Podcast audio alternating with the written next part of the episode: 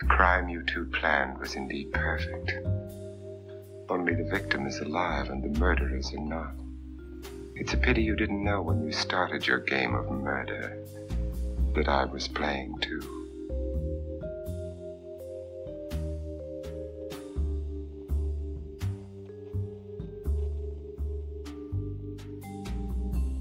Stany Zjednoczone, rok 1935. Rok, w którym Amelia Earhart jako pierwsza kobieta pilot w historii samotnie przelatuje nad Pacyfikiem. Rok, w którym Richard Hauptmann zostaje skazany za porwanie syna Charlesa Lindberga. Rok, w którym w kreskówce Looney Tunes debiutuje Porky. W 1935 roku trwa depresja gospodarcza, a nad całym światem unoszą się czarne chmury nadchodzącej II wojny światowej. W 1935 roku czarne chmury unoszą się też nad milionerem Albertem Cheneym, który niespodziewanie umiera. Już kilka dni później jego narzeczona Hazel Belford Glapp zostaje oskarżona o sfałszowanie testamentu niedoszłego męża. Najdziwniejsze jest jednak to, że kilka lat wcześniej w równie dziwnych okolicznościach umarł jej poprzedni mąż, John Glabb. Co więc tak naprawdę się tam stało? To będzie naprawdę przedziwna opowieść o szalonych latach dwudziestych i trzydziestych. W momencie, w którym zaczyna się ta historia, kino noir jeszcze nie istnieje, a Raymond Chandler nie napisał nawet jeszcze żadnego kryminału. Jednak jak tylko pierwszy raz natknęłam się na historię Hazel Glapp, to właściwie od razu skojarzyła mi się z klasycznym scenariuszem filmu noir. Mamy tu skorumpowane Los Angeles z początku XX wieku, mamy prywatnych detektywów, mamy facetów, którzy dosłownie głupieją z powodu kobiety i mamy oczywiście kobietę, femme fatale, kobietę fatalną. W tej roli tytułowa Hazel. A jeszcze kiedy dowiedziałam się, że nasza Hazel była swego czasu aktorką, no to po prostu wiedziałam, że muszę dowiedzieć się więcej i oczywiście Wam o niej opowiedzieć. Tylko, że nie spodziewałam się, że to będzie historia tak szalona, pełna tak dziwnych splotów wydarzeń, a czasem tak absurdalna. No, nie przedłużam, posłuchajcie sami.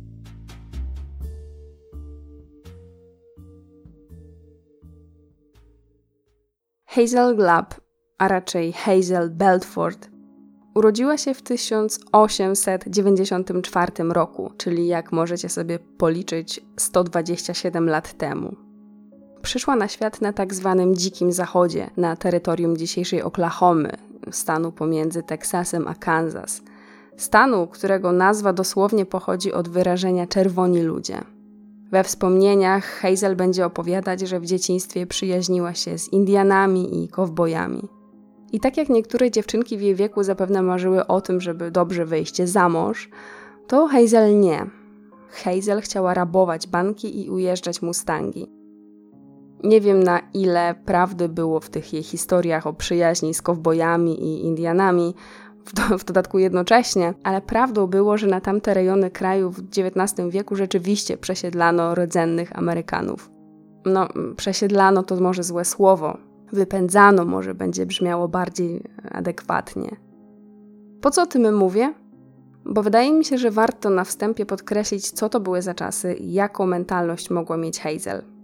Nie była dziewczyną z wielkiego miasta czy dobrego domu. Kiedy miała 4 lata, została osierocona i trafiła pod dach dalszej rodziny. Kiedy nieco podrosła, nie marzyła o niczym innym, jak tylko jak najszybciej wyrwać się z tej dziury, najlepiej robić karierę.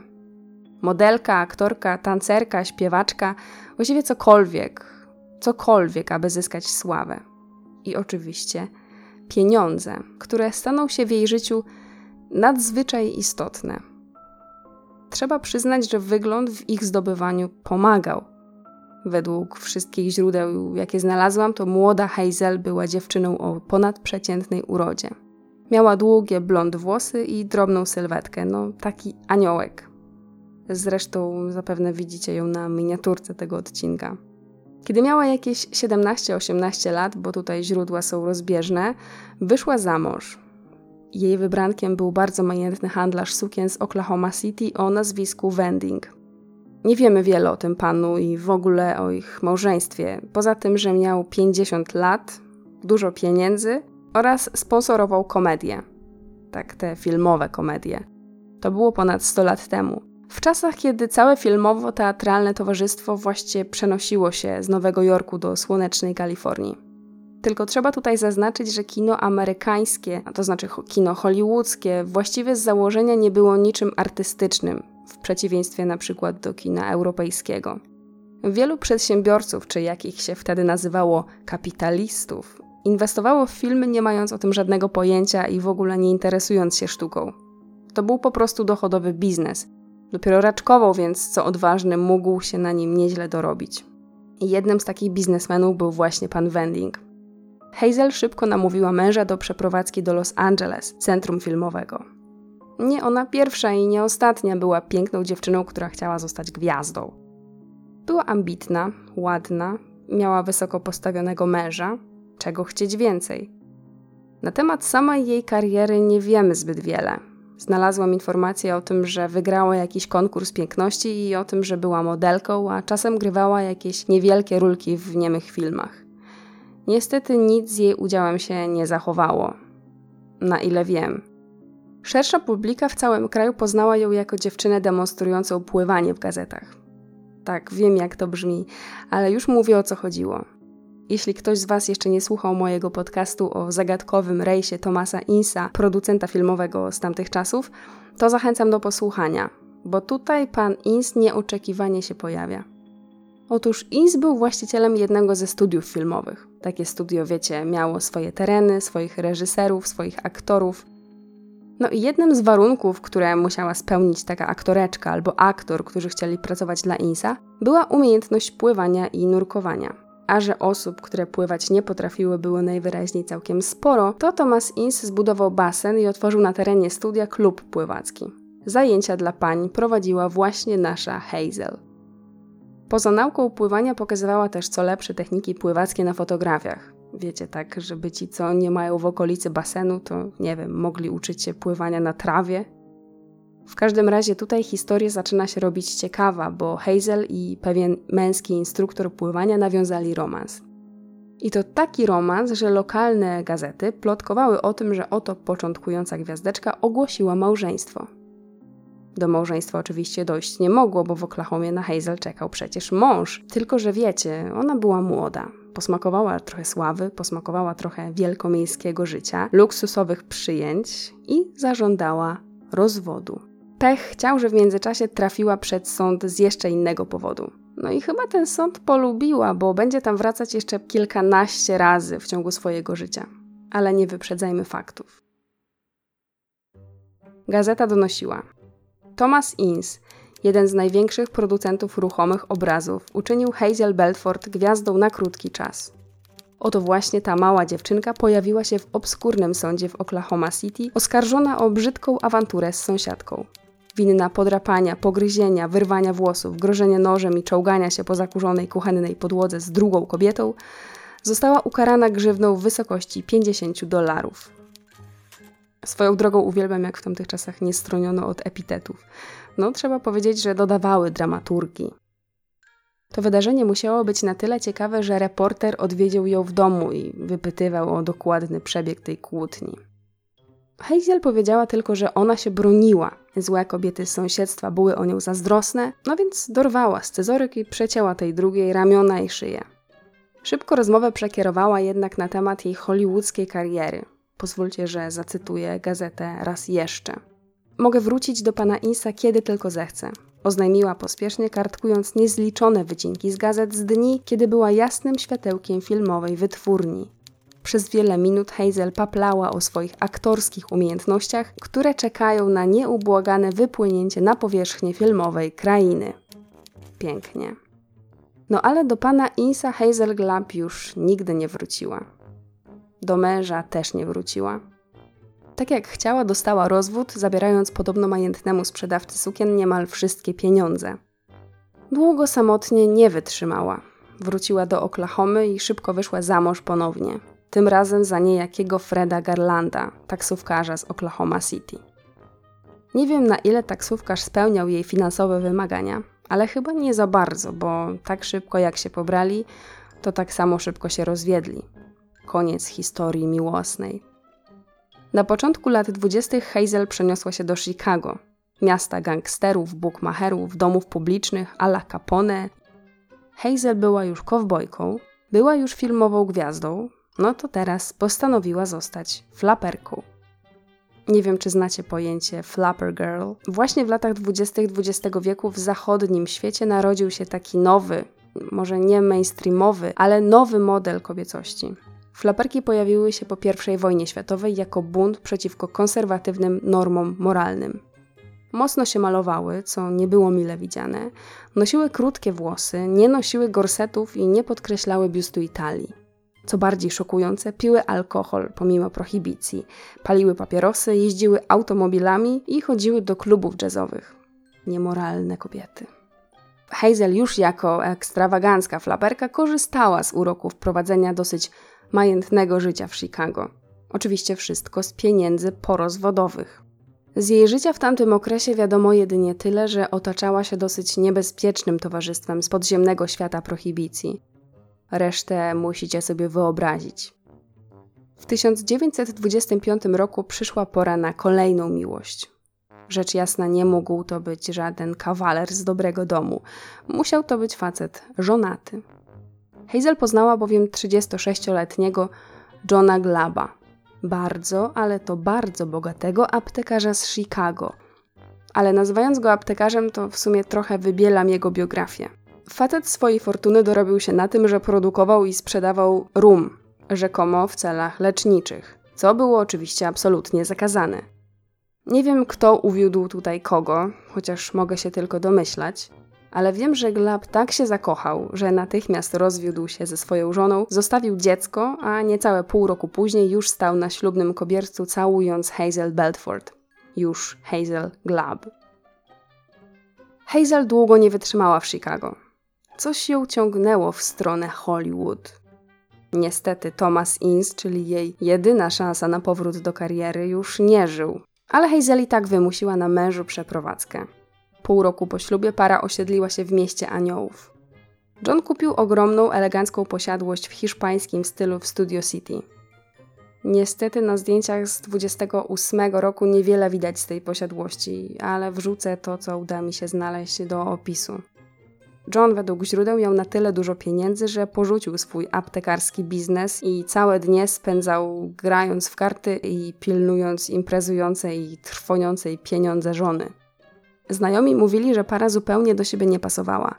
Ona była duszą towarzystwa, a on był dosyć ponury. Dobra, opowiadam i opowiadam, a sensu nie widać. No, jest sens i zaraz do niego przejdę.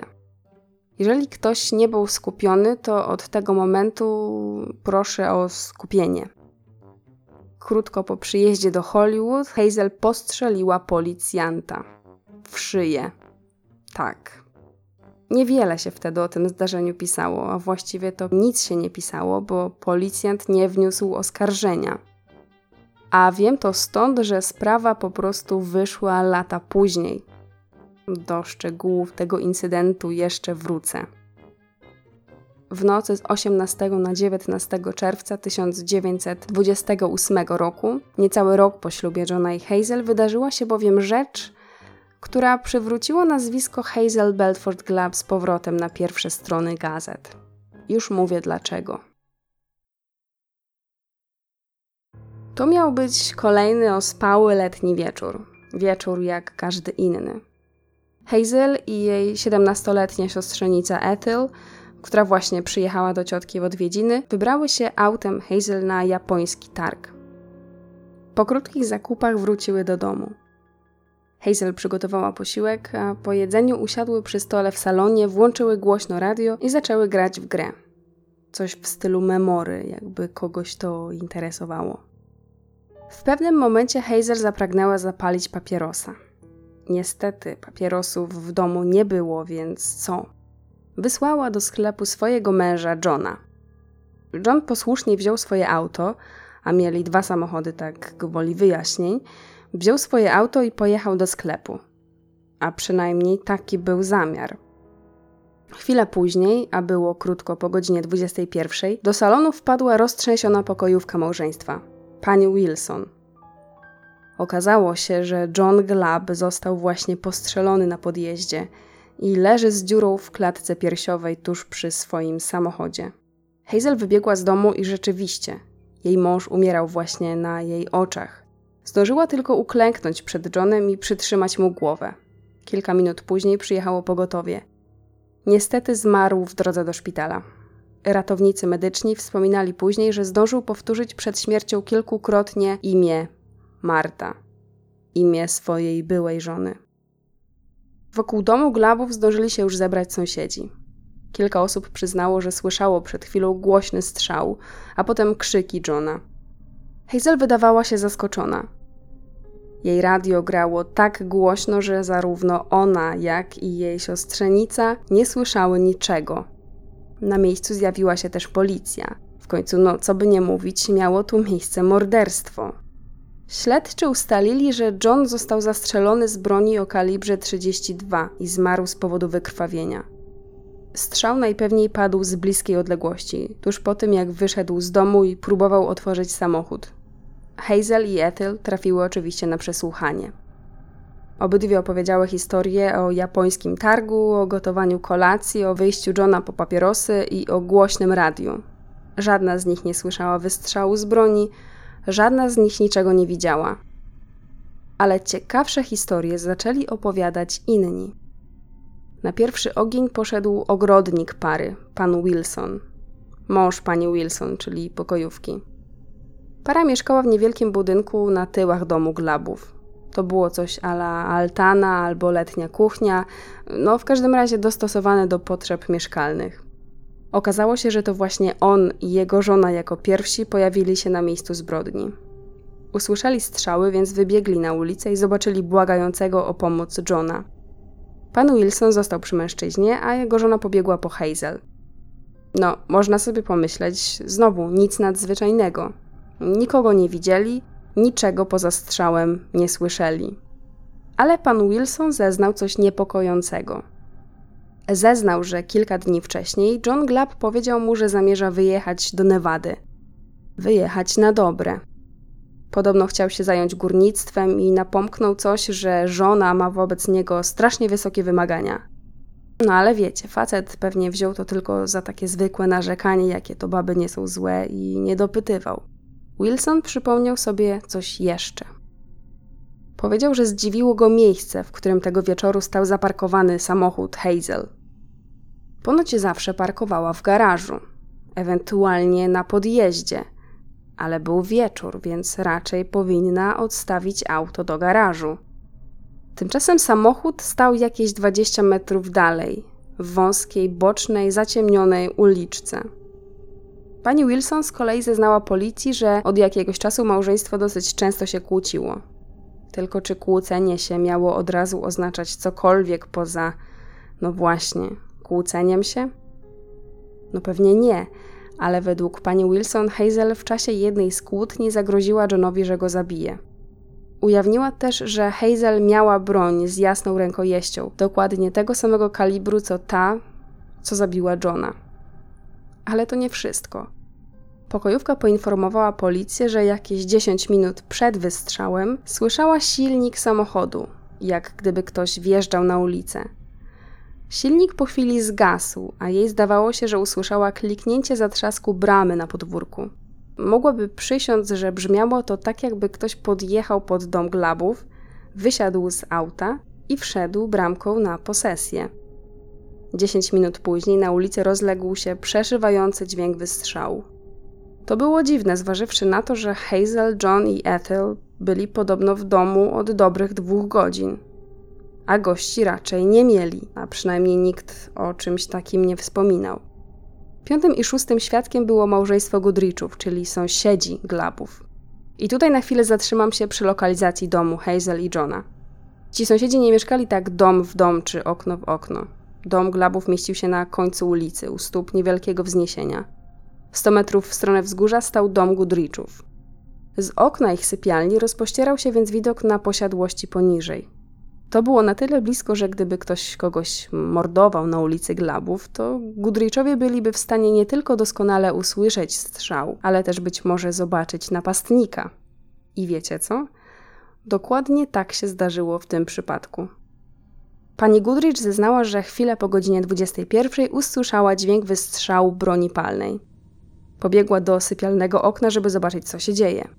Ulica nie była zbyt dobrze oświetlona, ale to, co udało jej się zobaczyć, przyprawiło ją o ciarki na plecach. Zaraz po wystrzale usłyszała na ulicy głuchy dźwięk szarpaniny, a chwilę później odgłos stukających obcasów. Nie widziała, do kogo należały owe obcasy, ale z pewnością dojrzała uciekającą kobiecą postać, biegnącą wzdłuż ogrodzenia przy domu państwa Glabów, a potem skręcającą w bramę. Postać miała jasne włosy i białe ubranie. Nie była w stanie powiedzieć, czy to była pani Glab, pani Wilson, czy może Ethel, ale z pewnością była to jasnowłosa kobieta. Hm. Kilka sekund później ofiara zaczęła wołać o pomoc. John próbował oprzeć jedną nogą o samochód i przytrzymać brzuch, ale się przewrócił. Przerażona pani Goodrich wezwała pogotowie, a potem razem z mężem pobiegli pod dom Glabów. Zanim się tam zjawili, to nad Johnem już stał pan Wilson, ogrodnik. A zanim na miejscu pojawiła się policja i pogotowie, to Hazel zdążyła jeszcze odegrać dramatyczną szopkę, opłakując jeszcze żyjącego męża. No właśnie, ale czy na pewno szopkę? Czy policja rzeczywiście podejrzewała, że to Hazel odpowiada za śmierć męża? Cóż, tak. Tyle, że przesłuchiwali ją przez 24 godziny, a ona dalej mówiła to samo. Że siedziała z siostrzenicą i niczego, niczego nie słyszała. Tyle, że stety, niestety siostrzenica nie była tak twarda. Następnego dnia zmieniła zeznania, opowiadając policji nieco inną historię – przesłuchiwana po raz drugi, powiedziała, że owszem, grały w grę, owszem, radio było włączone, ale że usłyszały wystrzał. Zaznała, że podbiegła nawet do okna salonu, żeby zobaczyć, co się stało, ale ciotka ją zatrzymała. Siadaj, nie wybiegaj tam i nie rób z samej siebie celu, powiedziała mi, więc wróciłam na swoje miejsce. To był rzecz jasna cytat. Hazel nie potwierdziła ani jednego z tych słów. Detektywi mieli więc słowo przeciwko słowu. Sąsiadka zeznawała, że widziała kobietę wbiegającą przez bramę glabów. Siostrzenica twierdziła, że cały ten czas była z ciotką w domu. Policja próbowała odtworzyć całe zdarzenie. Podczas rekonstruowania zbrodni ustalono, że najpewniej sprawca czaił się gdzieś na ulicy i zaatakował Johna w momencie, kiedy ten otworzył drzwi samochodu. Jedynym puzzlem, który wypadałoby znaleźć do tej układanki, było oczywiście narzędzie zbrodni. W końcu, gdyby sprawcą w rzeczy samej była Hazel, to broń musiała być gdzieś w okolicy domu. No to policja następnego dnia wróciła na teren Glabów i rozpoczęła przeszukiwania. Znaleźli trzy rewolwery, ale żaden kalibrem nie odpowiadał kuli, która zadała ranę Johnowi. Co więcej, z żadnego w ostatnim czasie nie oddano strzału. Kolejna zagadka. Niby nie było tej broni, z której zginął Glab, ale wszystkie poszlaki wskazywały na to, że winną była Hazel. Być może przy współpracy z siostrzenicą, być może przy współpracy z kimś jeszcze innym, a być może sama. 21 czerwca, trzy dni po śmierci Johna, Hazel Glab i Ethel Kasser zostały zatrzymane pod zarzutem morderstwa. Historia dwóch niewinnie wyglądających blondynek, 34-letniej Hazel i 17-letniej Ethel, oskarżonych o morderstwo, stało się narodową sensacją. Dziennikarze przemielili cały życiorys byłej aktorki i aspirującej tancerki, która żyła na utrzymaniu bogatego męża. Wydział Zabójstw nie dawał za wygraną i zarządził kolejne przeszukanie całej posesji państwa Glab i przeanalizowanie po raz kolejny całego zdarzenia. Podczas przeszukania znaleziono kilka ciekawych rzeczy. Pierwszą z nich była paczka papierosów. Papierosów dokładnie tej samej marki, po którą Hazel wysłała męża do sklepu. Kolejną rzeczą był znaleziony pomiędzy stronami Biblii wycinek prasowy. Wycinek przedstawiał sprawę zamordowania Jake'a Hammona, milionera z Oklahomy, przez jego żonę Klarę. Co ciekawe, kobieta została uniewinniona, a autor artykułu wspominał, że w ostatnich dniach Klara nawiedza biuro reżysera castingu w poszukiwaniu pracy. Zadziwiająco podobny życiorys, co? Tuż obok tego wycinka Hazel schowała też kartkę od rzekomych przyjaciół, podpisanych jako Mod i Al Jennings. I tutaj robi się naprawdę ciekawie, bo jeśli wygooglujecie sobie takiego pana jak Al Jennings, to wyskoczy Wam super ciekawa historia na Wikipedii o adwokacie z Oklahomy, który kiedyś napadał z bronią na pociągi, a potem został niemą gwiazdą filmową. Swoją drogą to może być dobry temat na inny odcinek. Poza tym w rzeczach Hazel znalazł się też list od Johna do Hazel, datowany na 15 maja i wysłany do hotelu w Oklahomie. John pisał między innymi tak. Byłem trochę zawiedziony, kiedy powiedziałaś mi, że nie wrócisz do domu w ciągu najbliższego tygodnia. Pytasz mnie, czy tęsknię. Otóż chodzę na granicę obłędu.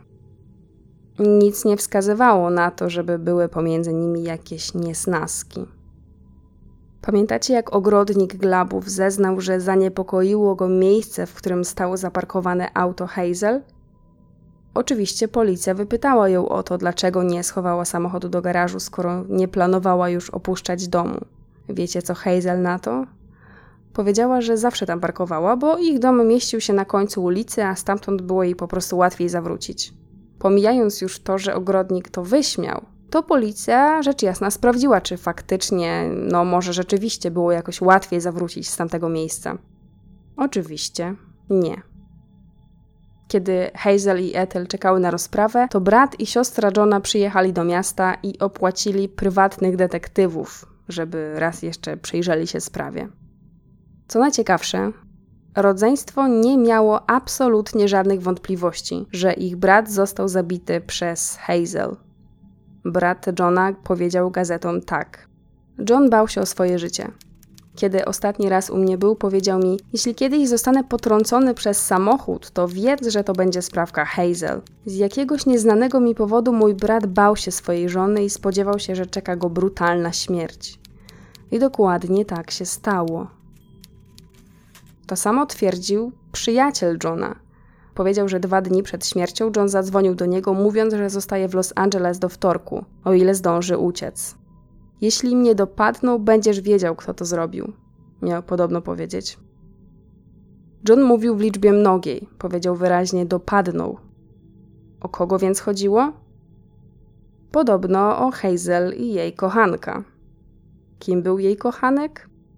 Byłym policjantem LAPD, który zwał się William McIntyre. I tutaj musimy wrócić do sprawy sprzed roku. Pamiętacie, jak opowiadałam, że Hazel przed poślubieniem Johna miała przygodę w cudzysłowie z postrzeleniem policjanta? I że ten policjant nigdy nie wniósł oskarżenia? Tym policjantem, a teraz już byłym policjantem, był właśnie William McIntyre. Okazało się, że przesłuchiwana po raz trzeci Hazel zeznała, że o 6 rano w dniu zabójstwa odwiedziła Williama w jego apartamencie. Podobno wpadła na kilka drinków i ploteczki. Wiadomo, no każdy może pić kiedy chce, gdzie chce i o której chce, ale po pierwsze było to dziwne. Po drugie, facet był policjantem i dysponował bronią. A po trzecie, najlepsze, oni mieli romans. To znaczy, nie wiadomo do końca, czy wciąż mieli romans, ale z pewnością byli razem rok wcześniej. Dokładnie w czasie tego incydentu z postrzeleniem. Ta znajomość rozpoczęła się w Chicago w 25 roku, zanim Hazel, wtedy jeszcze Hazel Belford, poznała Glaba. William był ponoć bardzo, bardzo zazdrosny o to, że Hazel planuje za Glaba wyjść. Jeśli chodzi o to postrzelenie, to Hazel powiedziała, że strzelała w samoobronie i William to potwierdził. Co prawda nic mu się nie stało, ale na Boga, on dostał strzał w szyję. Co najmniej podejrzany. Najlepsze jest jednak to, że Hazel strzelała z jego własnej, służbowej broni. I to właśnie za ten incydent zwolnili go ze służby. Tyle kosztowała go miłość do Hazel. Ale strata posady wciąż brzmi lepiej niż strata życia. Na noc zamordowania Johna Glaba William miał solidne alibi. Policja wypuściła go szybko Jeśli istniały jakiekolwiek zarzuty, to został z nich oczyszczony. Oczyszczona została też była żona Glaba, Marta. Była w tamtym czasie w domu w Seattle. Podczas tego prywatnego śledztwa zleconego przez rodzeństwo Johna wyszło na jaw, że na cztery dni przed śmiercią John pojawił się w biurze agencji detektywistycznej. Słuchajcie, on opłacił detektywa, który miał śledzić jego żonę, oraz ochroniarza, który miał jeździć za nim. Jeden z tych detektywów powiedział policji, że John umówił się z nim na wtorek. W poniedziałkowy wieczór już nie żył. Powoli zaczęli pojawiać się kolejni świadkowie, a układanka dawała coraz wyraźniejszy obraz tego, jak wiodło się glabą w małżeństwie. Policja dotarła nawet do kawiarni znajdującej się 3 km od posiadłości glabów. Dwóch pracowników zeznało, że w sobotni wieczór John wpadł do lokalu szukając żony z jakimś mężczyzną. Groził ponoć, że zabije ich oboje, a cały wyglądał jakby biegał po osiedlu bez ładu i składu. Co więcej, nie miał na sobie kapelusza i płaszcza, a przypominam, że to były lata dwudzieste, więc dżentelmena bez kapelusza i bez płaszcza ciężko było w tamtych czasach uraczyć. Hazel broniła się jak mogła. Kiedy słyszała o tym, co opowiadają świadkowie i zdała sobie sprawę ze swojej beznadziejnej sytuacji, język się jej rozplątał. Zapłakana powiedziała, że John siedział głęboko w mafijnym półświadku i uciekł z Chicago, gdzie zajmował się nielegalną produkcją alkoholu. Niestety byli koledzy mafiozi nie dawali za wygraną i ścigali go po całym kraju. To naturalne, że się bał i zatrudnił detektywa. Kto by się nie bał, jakby go jakiś Al Capone chciał sprzątnąć, nie? No nie powiem, teoria całkiem zgrabna. W końcu rzeczywiście John miał konszachty z chicagowską mafią i były na to dowody. I wiecie co? Policja jej uwierzyła. Rzeczywiście, teoria o powiązaniach z mafią brzmiała sensowniej niż drobna blondyneczka mordująca męża z zimną krwią wyłącznie dla spadku. Hazel i Ethel zostały wypuszczone z aresztu. Tydzień później kapitan Wydziału Zabójstw powiedział gazetom, że w ciągu ostatnich 24 godzin otrzymał nowe dowody, które kierują podejrzenie na dwóch nieprzesłuchiwanych do tej pory mężczyzn. Przyznał, że nie byli w stanie znaleźć żadnych śladów narzędzia zbrodni, więc nie mają dowodu, który połączyłby Hazel ze sprawą. Nie mogli mi zrobić nic, ponieważ jestem niewinna. Wiedziałam, że zostaniemy uwolnione bez konieczności stawania przed sądem. Po pierwsze, oskarżenie było śmieszne. Nie miałam żadnego powodu, żeby zabijać męża, powiedziała Hazel gazetom. I cóż, tyle było ją widać. Ale nie martwcie się, nie na długo. Hazel dała o sobie znać, kiedy przyszło do egzekucji spadku po martwym mężu. Afera wybuchła już w lipcu. Zapowiadała się bowiem zaciekła walka pomiędzy Hazel a Martą, czyli byłą żoną, która też walczyła o spadek. Hazel za bardzo się tym nie przejmowała, bo przecież jakim prawem pieniądze miałyby trafić do byłej żony, a nie do aktualnej? Odczytanie testamentu Johna musiało być dla niej niemałym szokiem. Okazało się, że ostatni zapis testamentu datowano na rok 1923, zanim John w ogóle wiedział, że ktoś taki jak Hazel chodzi po tym świecie. Jedna trzecia majątku miała trafić w ręce Marty, a pozostała część przepisana była na ich córkę. Szok.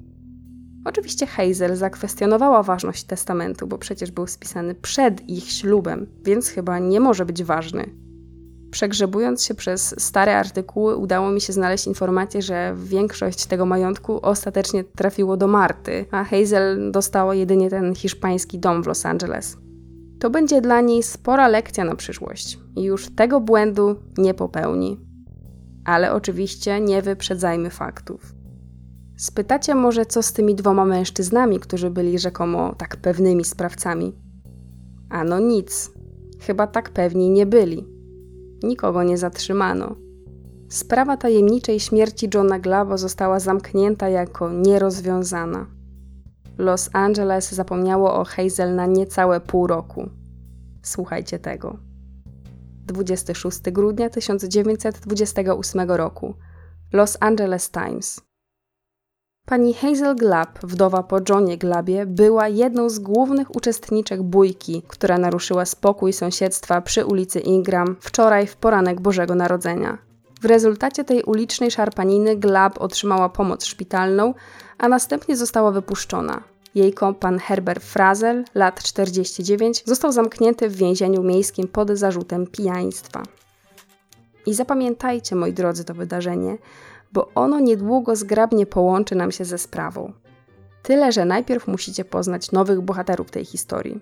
Herberta Frazela, przyjaciela pani Glab, pana Floyda Odena, prywatnego detektywa oraz jego żonę, panią Oden, której imienia niestety nie znamy, więc pozwólcie, że będę ich nazywać panią i panem Oden. Cała ta sytuacja wyglądała przedziwacznie. Państwo Oden zeznali, że w bożonarodzeniowy poranek odwiedzili swojego znajomego Frazela w jego apartamencie. Na miejscu zastali go w towarzystwie Hazel Glab i jeszcze jednej kobiety. Wkrótce po przybyciu Hazel wpadła w jakąś furię. Z kłótni wynikało, że była zazdrosna o tę drugą. W pewnym momencie rozbiła wazon na głowie Frazela, a potem wyciągnęła z torebki spluwę. Pan Oden, jako detektyw, trochę z bronią miał do czynienia, więc szybko ją rozbroił. Ta druga kobieta zaczęła uciekać, więc cała awantura przeniosła się na ulicę. Fakt, że Frazel był pijany, wcale nie pomagał. Zaczął się szarpać z Hazel, a ta nagle wyciągnęła z torebki kolejną broń. Dwa pistolety nosiła w torebce. Tylko, że nie wiedzieć czemu Hazel zamiast strzelać, to zaczęła tego znajomego tłuc bronią po głowie. No to ten zaczął jej oddawać. Takim oto sposobem oboje byli nieźle poturbowani. Pan Odell po raz drugi rozbroił Hazel, na co ta w furii zrzuciła z siebie futro i stanęła na ulicy nago, to znaczy w samych pończochach i kapciach. W tym samym czasie na miejsce przyjechała policja. No cóż, sąsiadom najwyraźniej nie podobało się, że ich dzieci mają takie atrakcje podczas otwierania prezentów od Mikołaja. Kiedy na miejsce zjawiło się dwóch funkcjonariuszy, aresztowali Frazella, a dwa pistolety Hazel skonfiskowali. To był ostatni raz, kiedy świat usłyszał o Hazel Glab. A przynajmniej w 1928 roku. Nagłówek Los Angeles Times z 2 lutego 1930 roku krzyczał: Morderstwo Glaba. Sprawa ma szansę na wznowienie po aresztowaniu Williama McIntyre'a za śmiertelną katastrofę. Okazało się, że William McIntyre został oskarżony o spowodowanie śmiertelnego wypadku samochodowego. Ale nie to jest w całej tej sprawie najciekawsze. Otóż w Wydziale Zabójstw w ciągu dwóch lat zmienił się trochę skład detektywów i ktoś bystrzejszy zaczął grzebać w kartotece Williama.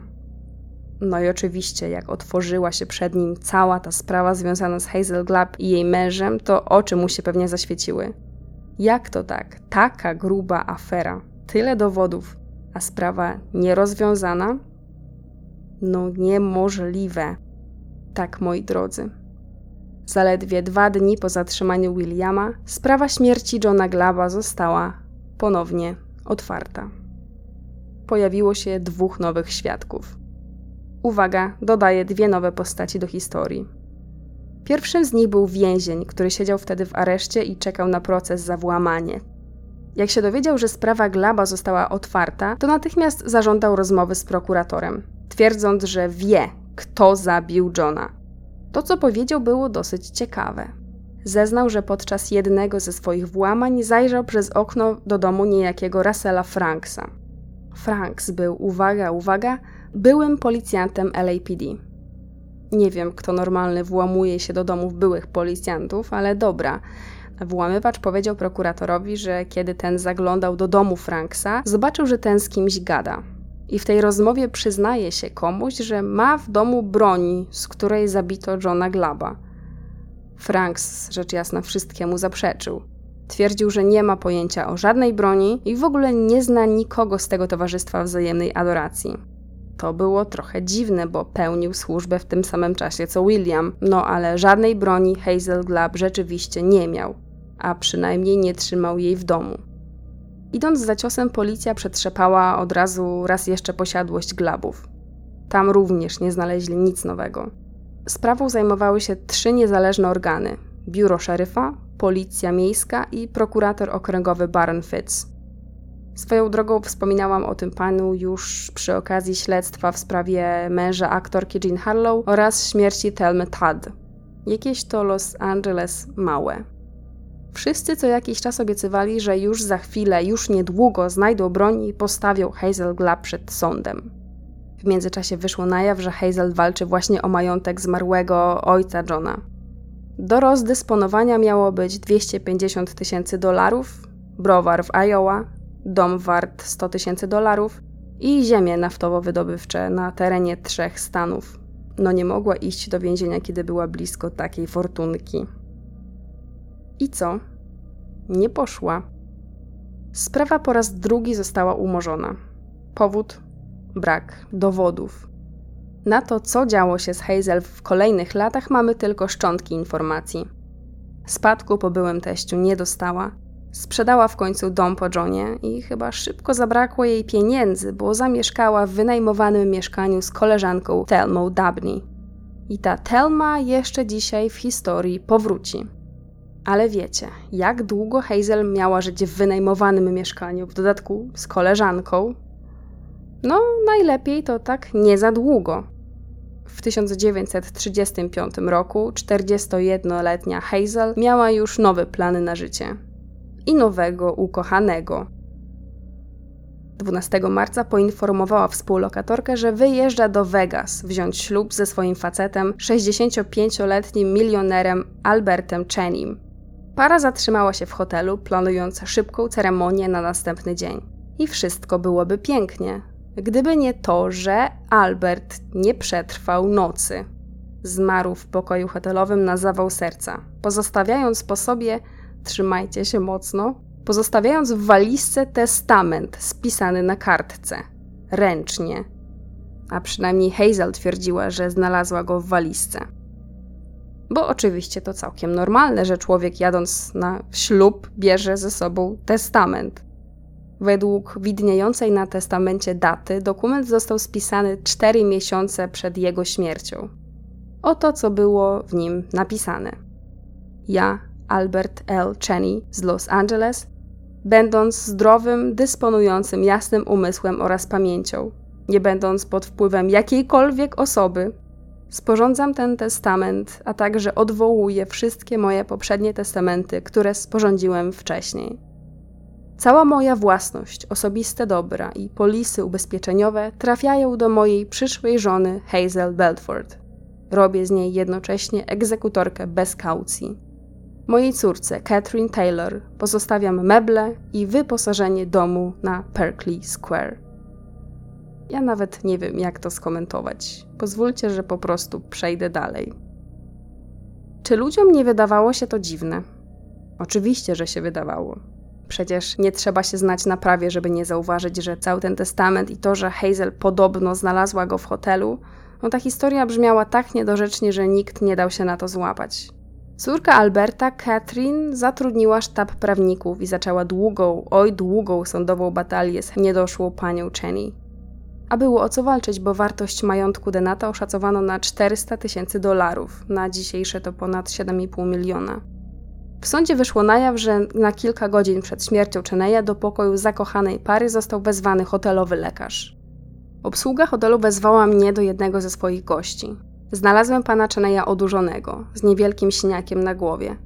Kazałem mu się położyć, a po obejrzeniu siniaka wyszedłem.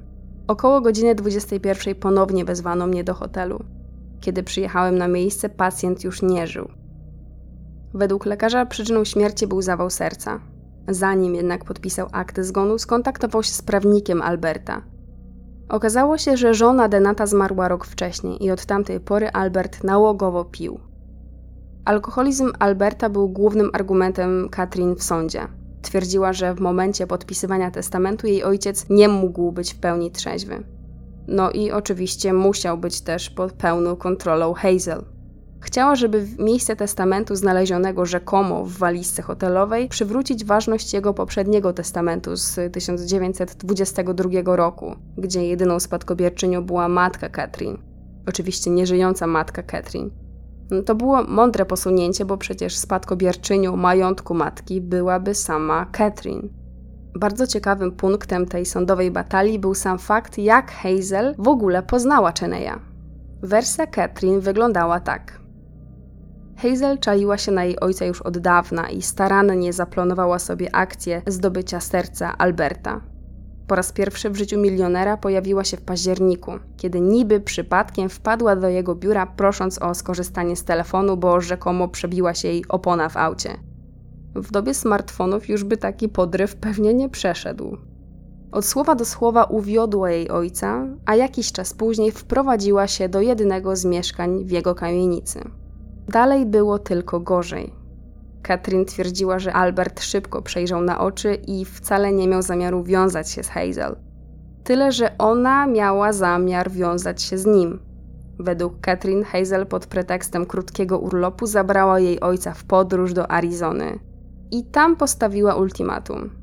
Albo natychmiast się z nią ożeni, albo oskarży go o naruszenie ustawy Mana. Tutaj tak informacyjnie, bo być może nie wiecie, czym jest ta owa ustawa. Ustawa Mana to zakaz transportu międzystanowego oraz zagranicznego kobiet w celu prostytucji lub innych niemoralnych czynów. No więc, co tu dużo mówić, Hazel sprytnie to sobie wymyśliła. O ile to oczywiście była prawda, bo wersja Hazel wyglądała zupełnie inaczej. Według niej ten związek był jak najbardziej prawdziwy. Powiedziała w sądzie tak, tutaj pozwólcie, że zacytuję.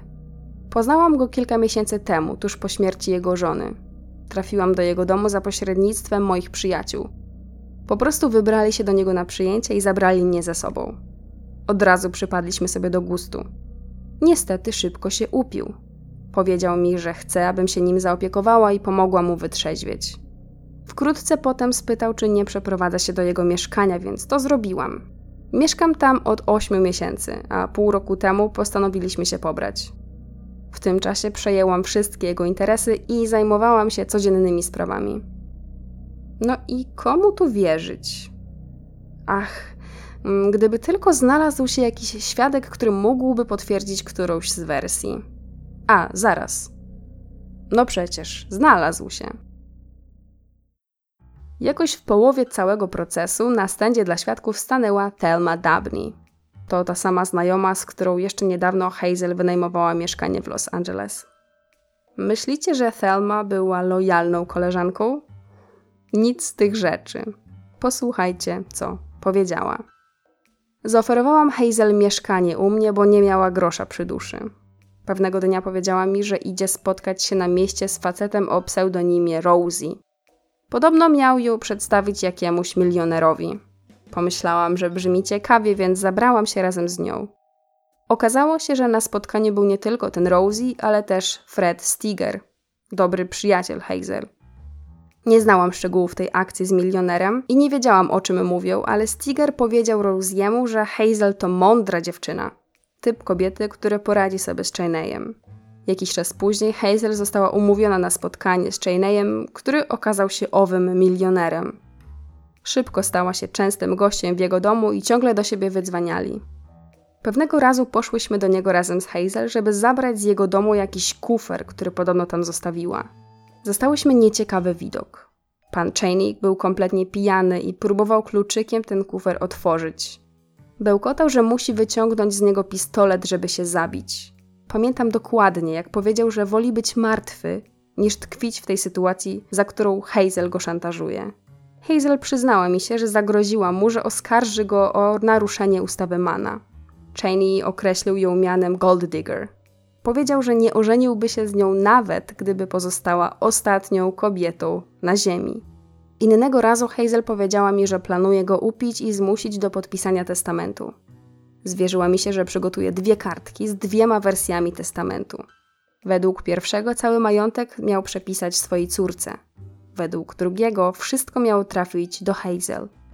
Powiedziała, że kiedy uda jej się nakłonić go do podpisania pierwszej wersji testamentu, to w ostatniej chwili podmieni kartki.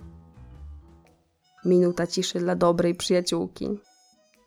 Kolejnym świadkiem była pokojówka Alberta.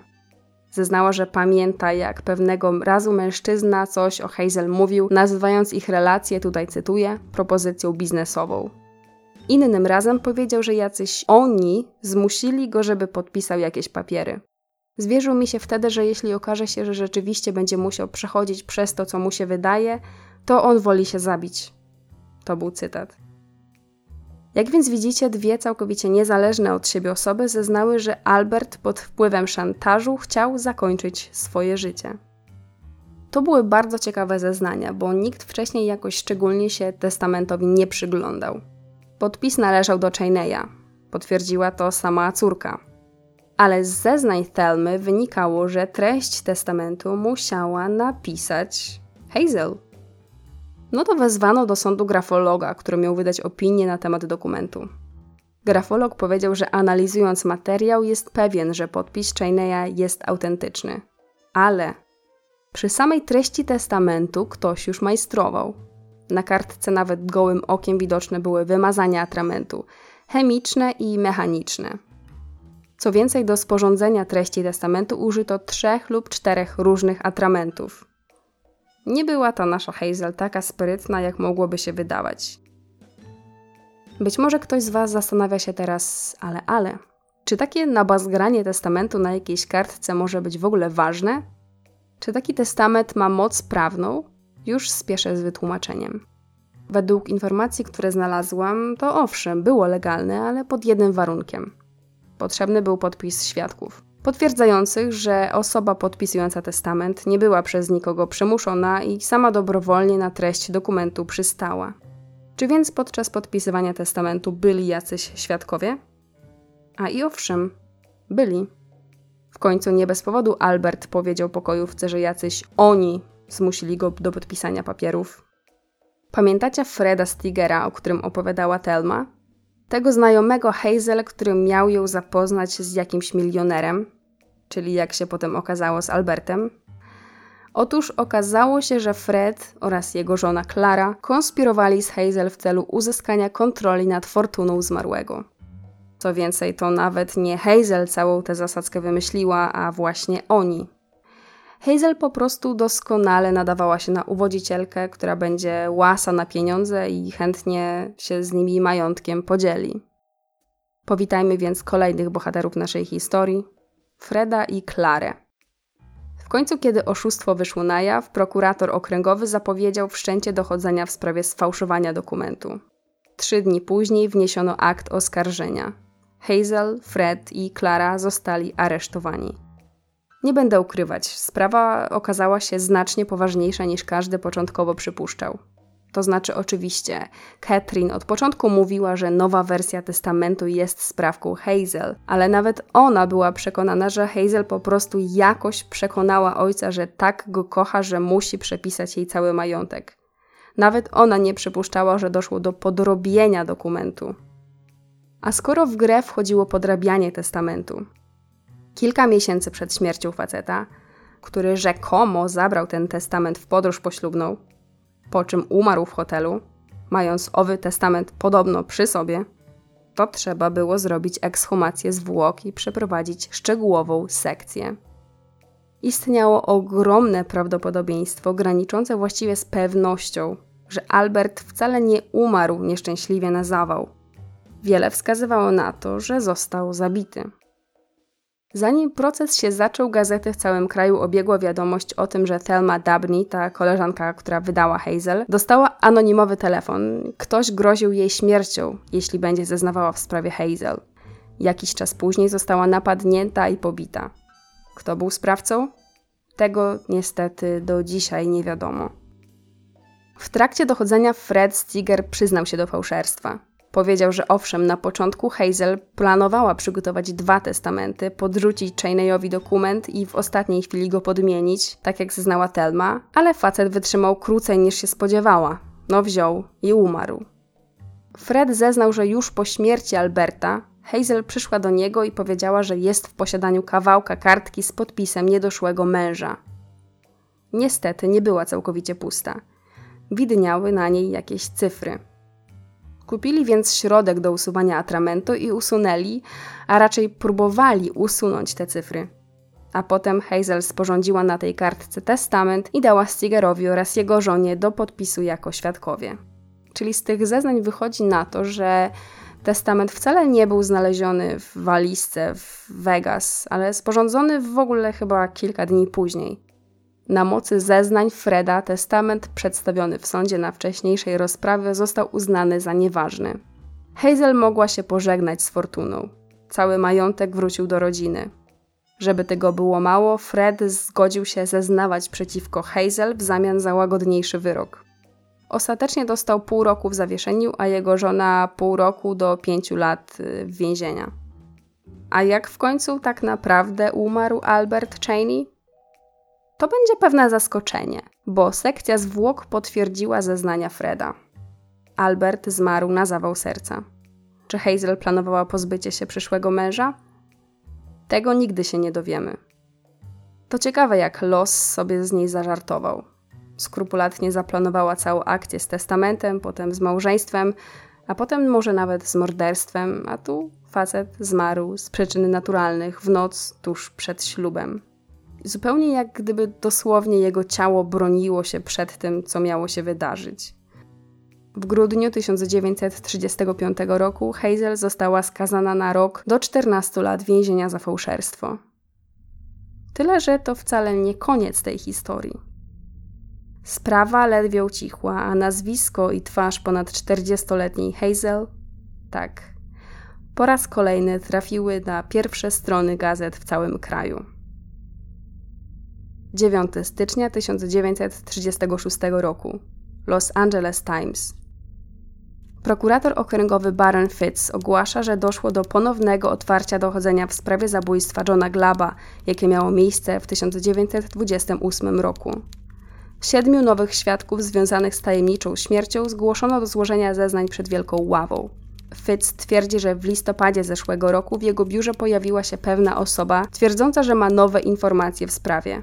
Według niego nowe zeznania świadków podważają alibi głównego podejrzanego, który do tej pory nigdy nie był oskarżony. Akt oskarżenia zostanie wniesiony w poniedziałek. Dosyć szybko wypłynęło, że tym głównym podejrzanym jest oczywiście nie kto inny jak nasza Hazel. Kilka dni po ujawnieniu tych informacji Hazel została w końcu postawiona przed ławą przysięgłych. Jeśli nie pamiętacie, to przypomnę tylko, że Hazel twierdziła, że w czasie mordowania Johna była w domu z siostrzenicą i niczego nie słyszała ze względu na głośne radio. Według prokuratora wyglądało to jednak tak. Hazel i Ethel 10 minut przed śmiercią Johna wcale nie były w domu, a w samochodzie Hazel. Jak na to wpadli? Mieli trzech nowych świadków. Sąsiad, pracownik stacji paliw i sprzedawca pobliskiego sklepu spożywczego. Wszyscy trzej zgodnie twierdzili, że na chwilę przed fatalną strzelaniną widzieli Hazel prowadzącą samochód. Według oskarżycieli kobiety podjechały w okolice domu. Mówię w okolice, bo tak naprawdę Hazel nigdy nie pojawiła się pod domem. Zaparkowała auto w małej uliczce niedaleko i czekała. Tymczasem jej siostrzenica poszła do domu, żeby powiedzieć Johnowi, że Hazel czeka w aucie i chce z nim rozmawiać. Według prokuratury mąż wyszedł z domu, ale doszło między nimi do kłótni.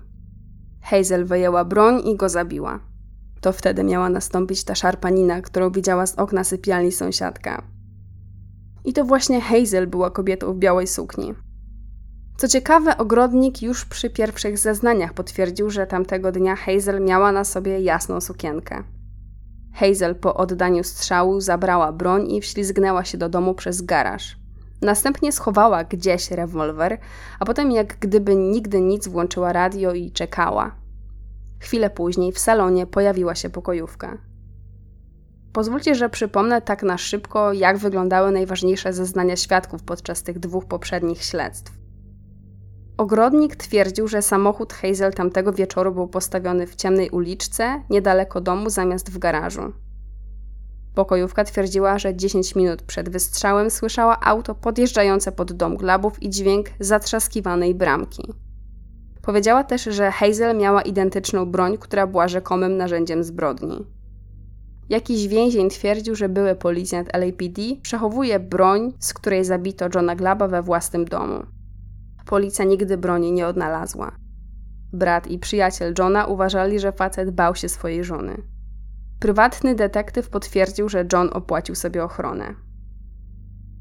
Kolejni nowi świadkowie tylko ją pogrążali. Słuchajcie tego.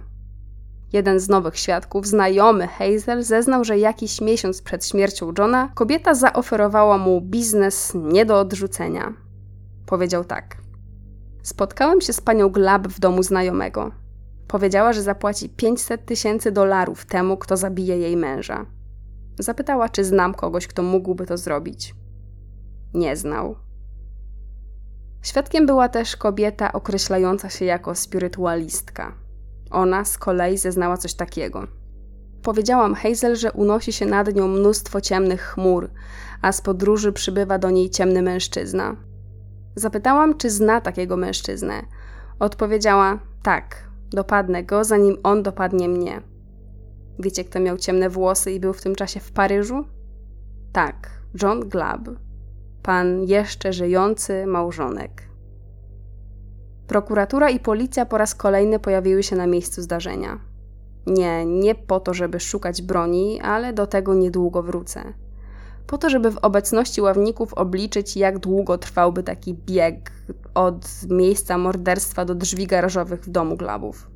Chcieli sprawdzić, czy Hazel byłaby w stanie przebiec ten odcinek niezauważona, zanim ktokolwiek zdąży zobaczyć, co się stało. I co się okazało? Okazało się, że nawet będąc wewnątrz samochodu, przebiegnięcie tego odcinka zajmowało kilkanaście sekund. W butach na obcasach mogło to co prawda zająć trochę dłużej, ale wciąż był to czas liczony w sekundach. Ale obiecałam wam, że wrócę do tematu pistoletu. Otóż w tym temacie Thelma Dabney rzuciła prawdziwą bombę. Gdyby ktoś już zapomniał, kim była Thelma, to to była ta przyjaciółka Hazel, która wydała ją podczas rozprawy o sfałszowanie testamentu. No nie powiem, nie życzyłabym żadnemu mordercy takiej znajomej. Otóż tym razem Thelma również bardzo przydała się oskarżycielom. Zaznała, że w samochodzie Hazel znajdował się jakiś tajny schowek.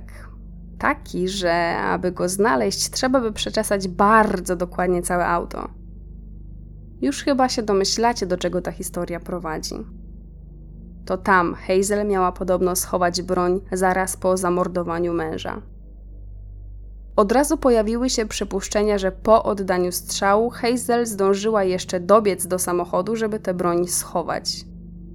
Dlatego zaparkowała tak daleko od domu, żeby policja, która na pewno będzie przeszukiwać dom, podwórko i garaż, nie wpadła, że jakiś tam samochód, który stoi w ciemnej uliczce, mógłby należeć do mordercy.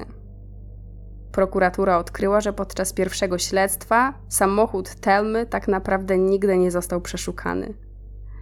Ale nawet jeśli schowała broń w samochodzie, to co się stało z nią potem? Wyrzuciła do rzeki, zakopała w ogródku, utopiła w szambie? Nic z tych rzeczy. I teraz musimy na chwilę cofnąć się do wydarzeń, które już opisywałam. Pamiętacie tę sprawę z bożonarodzeniowego poranka 1928 roku? Tuż po śmierci swojego męża, Hazel wdała się w awanturę na ulicy. Policja została wezwana na miejsce po tym, jak sąsiedzi skarżyli się na hałasy. Okazało się, że Hazel biła się ze swoim znajomym, okładając go rękojeścią rewolweru, a potem się rozebrała. Chyba pamiętacie. Na miejscu był wtedy pan Oden, prywatny detektyw. Powiedział wtedy policji, że zabrał Hazel dwa rewolwery. Policja tę broń skonfiskowała. Tak. Przez 7 lat rewolwer kalibru 32 z białą rękojeścią leżał sobie bez opieki gdzieś w czeluściach policyjnych zbiorów. Tyle, że po takim czasie i po przechowywaniu w takich warunkach lufa gwintowa zniszczyła się na tyle, że nie dało się jasno określić, czy na 100% z tej broni pochodziła śmiertelna kula. Ale kaliber się zgadzał. Zgadzała się też właścicielka.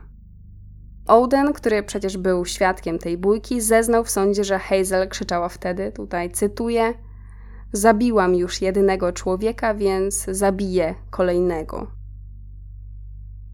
Po trzech miesiącach wysłuchiwania, jak kolejni świadkowie coraz bardziej ją pogrążają, Hazel w końcu nie wytrzymała. Zapowiedziała, że dobrze. Skoro tak stawiacie sprawę, to ona powie wszystko. Opowie, kto naprawdę zabił jej męża. Wszyscy czekali jak na szpilkach. Jezu, ja sama czekałam jak na szpilkach, jak przeczesywałam tego Los Angeles Timesa. 17 marca Hazel stanęła w końcu na miejscu świadka i powiedziała, że Johna zabił William McIntyre, były policjant i jej były kochanek. Ale wiecie, ona nie wzięła sobie tego tak z powietrza. Podobno podczas pierwszego śledztwa powiedziała jej to policja. Zeznała, że w trakcie tego pierwszego śledztwa policja w ogóle nie uważała jej za podejrzaną. Było wręcz przeciwnie, ona współpracowała z policją. Podobno mieli taki deal, że miała zadzwonić do byłego kochanka, umówić się z nim w lesie. Tam miała zadać mu pytanie, czy to on zabił Johna. Ten plan oczywiście zakładał, że zakochany William się przyzna. Miał doskonały motyw, żeby zabić Johna, który stał przecież na przeszkodzie ich wielkiej miłości. Haczyk tego układu z policją polegał na tym, że kiedy Hazel rozmawiała w lesie z byłym kochankiem, to za krzakami chowali się policjanci. Pewnie jak się przyzna, to mieli wyskoczyć, aresztować go, a piękna blond przynęta miała zostać puszczona wolno. Tyle, że coś nie wyszło, bo William się nie przyznał. Nawet w tym lesie twierdził, że on o niczym nie wie. Co więcej, trochę się chyba zdziwił, bo wiedział, że Hazel tego żona to tak nie za bardzo kochała i przecież wcześniej sama chciała komuś zapłacić za zlikwidowanie go. Co na to wszystko policjanci, którzy prowadzili oryginalne śledztwo? Oni twierdzili, że to bzdura i że nigdy takiej sytuacji nie było. Jak do tych oskarżeń odniósł się sam William? On twierdził, że po śmierci Johna nigdy nie spotkał się z Hazel. Policja owszem wzięła go na przesłuchanie, ale niemal natychmiast wypuściła, bo miał solidne alibi. Policjanci to potwierdzili. I tym oto sposobem biedna Hazel pozostała bez asa w rękawie. Tak naprawdę jej ostatnią nadzieją była siostrzenica Ethel, jedyny świadek obrony. Niestety, Ethel nigdy nie pojawiła się w sądzie, żeby potwierdzić wersję, którą opowiedziała 7 lat temu. 21 marca Hazel Belford Glab została skazana za morderstwo drugiego stopnia na karę 5 lat więzienia do dożywocia. Prasa pisała tak. Glab przyjęła wyrok z taką nonszalancją, z jaką przyjęłaby papierosa od znajomego. Jak więc wyglądała ostatecznie przyjęta w końcu wersja wydarzeń? Tak. Hazel i Ethel były na mieście, robiły zakupy i tak naprawdę nigdy nie grały w żadne memory. Kiedy wróciły, Hazel zaparkowała auto w ciemnej uliczce kilkadziesiąt metrów od domu.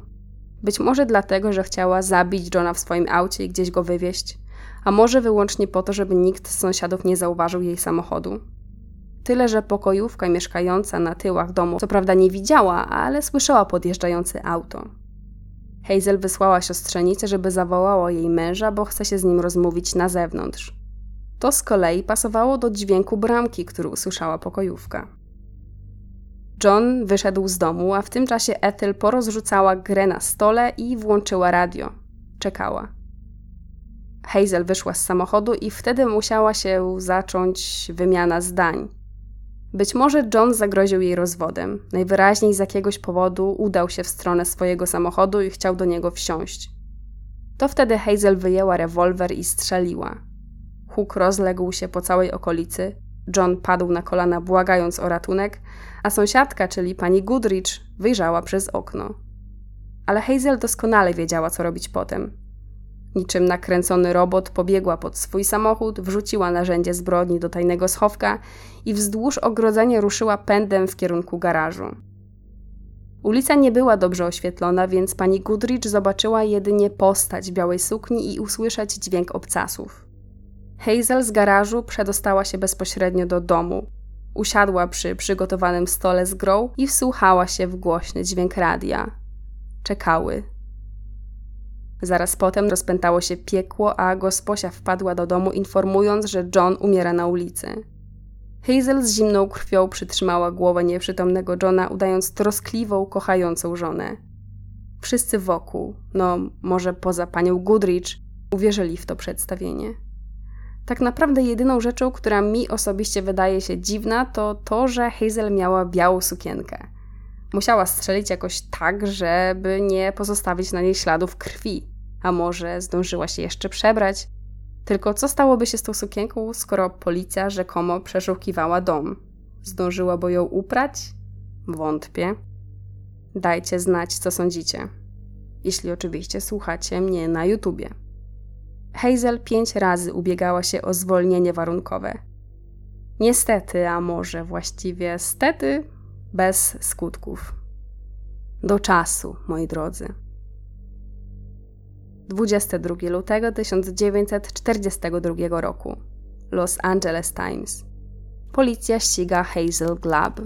Sekretne zwolnienie dwa miesiące wcześniej zdemaskowane przez oskarżenie o kradzież auta. Informacja, że pani Hazel Belford Clapp, lat 45, skazana morderczyni, została potajemnie zwolniona z więzienia, wypłynęła na światło dzienne wczoraj w nocy, kiedy policja z Long Beach aresztowała ją pod zarzutem kradzieży samochodu rodziny, z którą mieszkała.